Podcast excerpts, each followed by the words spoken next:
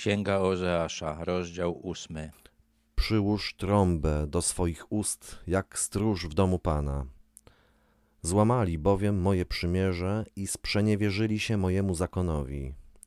W tych czasach, jeżeli chciało się ogłosić jakąś wiadomość, tak aby zwrócić uwagę możliwie wielu ludzi, to grało się na trąbach. Bóg nakazał Ozeaszowi ogłoszenie tego, że Izrael złamał przymierze z nim w taki sposób, żeby wszyscy się o tym dowiedzieli.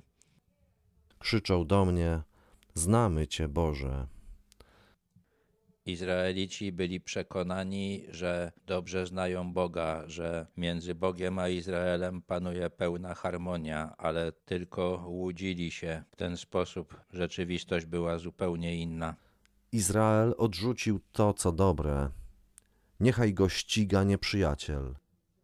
W rzeczywistości Izrael dawno złamał przymierze i Ozeasz zapowiadał, że Bóg niedługo zacznie go za to karcić. Narzędziem tego karcenia będą najazdy wrogich wojsk. Powołują królów, lecz beze mnie. Ustanawiają książąt, lecz bez mojej wiedzy. Ze swojego srebra i złota uczynili sobie bałwany na własną zgubę.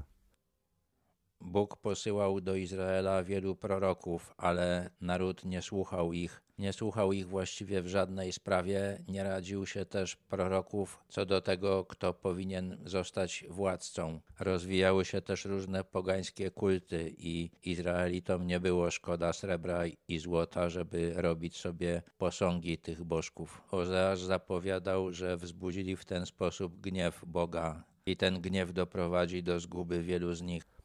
Odrzuciłem Twojego cielca, Samario. Zapłonął mój gniew przeciw nim. Jak długo dom Izraela pozostanie bez kary? Ozeasz twierdził, że przez wiele lat Bóg nie karał tego odstępstwa, ale już niedługo ukarze. A przecież on nie jest Bogiem. Rzemieślnik go zrobił. Zaiste w drzazgi rozleci się cielec Samarii, bo sieją wiatr i będą zbierać burze.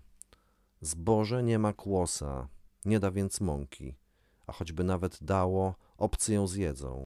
Wielokrotnie prorocy posłani przez Boga tłumaczyli Izraelitom, jaką głupotą jest oddawanie czci wytworowi człowieka, a tym są przecież posążki czy obrazy. Bóg zniszczy te posążki, a przy okazji zniszczy całe państwo. Ozeasz zapowiadał nieurodzaj i najazd.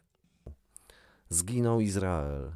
Jest teraz wśród ludów jak naczynie, na które nie ma popytu bo wybrali się do Asyrii, jak dziki osioł, który biega samotnie, do Egiptu, aby składać podarki miłosne. Państwo izraelskie jeszcze istnieje, ale jego sytuacja polityczna jest już bardzo trudna. Naczynia były tanie. Jeżeli nie było nikogo, kto by chciał je kupić, to znaczyło, że nabywcy oceniają je jako bardzo kiepskie. Izrael zabiegał o sojusz z jakimś mocnym państwem. Wchodziły w grę dwa mocarstwa Asyria i Egipt, ale żadne z nich nie chciało takiego marnego sojusznika. Chociaż je składają wśród ludów, ja jednak wnet ich rozproszę, tak że przestaną na jakiś czas namaszczać królów i książęta. Te wszystkie zabiegi dyplomatyczne nie zdadzą się na nic. Państwa Izraelici nie uratują, bo Bóg postanowił je zniszczyć, a ich rozproszyć. Zaiste Efraim zbudował sobie liczne ołtarze, lecz stały się one ołtarzami grzechu. Chociaż spisałem mu wiele moich wskazań, to jednak lekce je sobie ważyli jako coś obcego. Bóg nakazał, aby Izrael miał tylko jedno miejsce ofiar, jedną świątynię. Zamiast tego w Izraelu było tych ołtarzy, miejsc ofiarnych wiele. Naród lekceważył nakazy Boga, uważał go za kogoś obcego, nie pamiętał o tym, że to właśnie Bóg stworzył ich naród, wyzwolił ich z niewoli egipskiej i dał im ziemię, na której mieszkają. Lubią ofiary rzeźne i chętnie je składają, także mięso, i chętnie je jedzą. lecz Pan ich sobie nie upodobał. Będzie teraz pamiętał o ich przewinie i karać ich będzie za ich grzechy. Powrócą do Egiptu. Izraelici składali ofiary rzeźne, bo była to okazja do tego, żeby najeść się mięsa. Bóg widział ich serca i wiedział, że nie chodzi o to, aby oddać cześć Jemu. Ozeasz zapowiadał, że skoro naród nie jest wdzięczny za to, że został wyprowadzony z niewoli egipskiej, to ta niewola znowu się dla niego zacznie.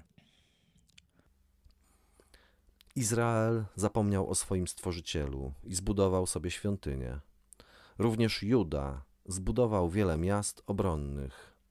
Ześlę więc ogień na jego miasta, aby zniszczył jego pałace.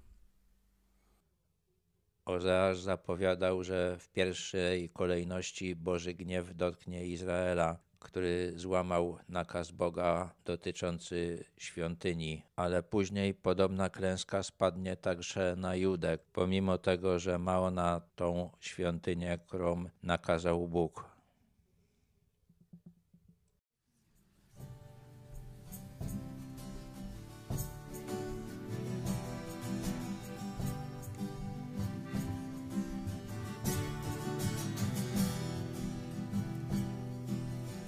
Uczniów swych posyłał Pan, by nieśli wieść radosną, żegnając ich dał swoją moc i mówił tak z miłością, nie,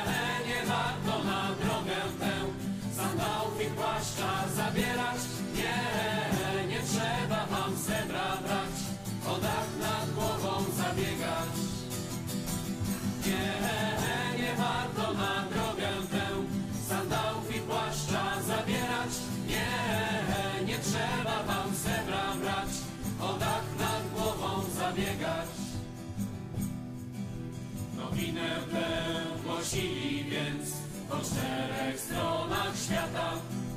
Bogaci tak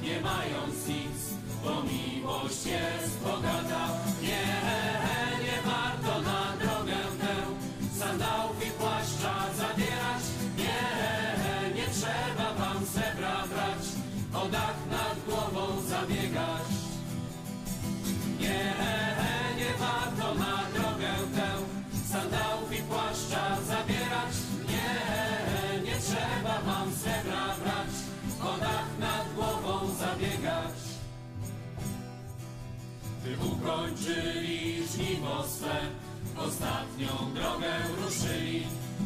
Patrzyli w niebo na Ojca dom i tak z ufnością mówili Nie, nie warto na drogę tę sandałów i płaszcza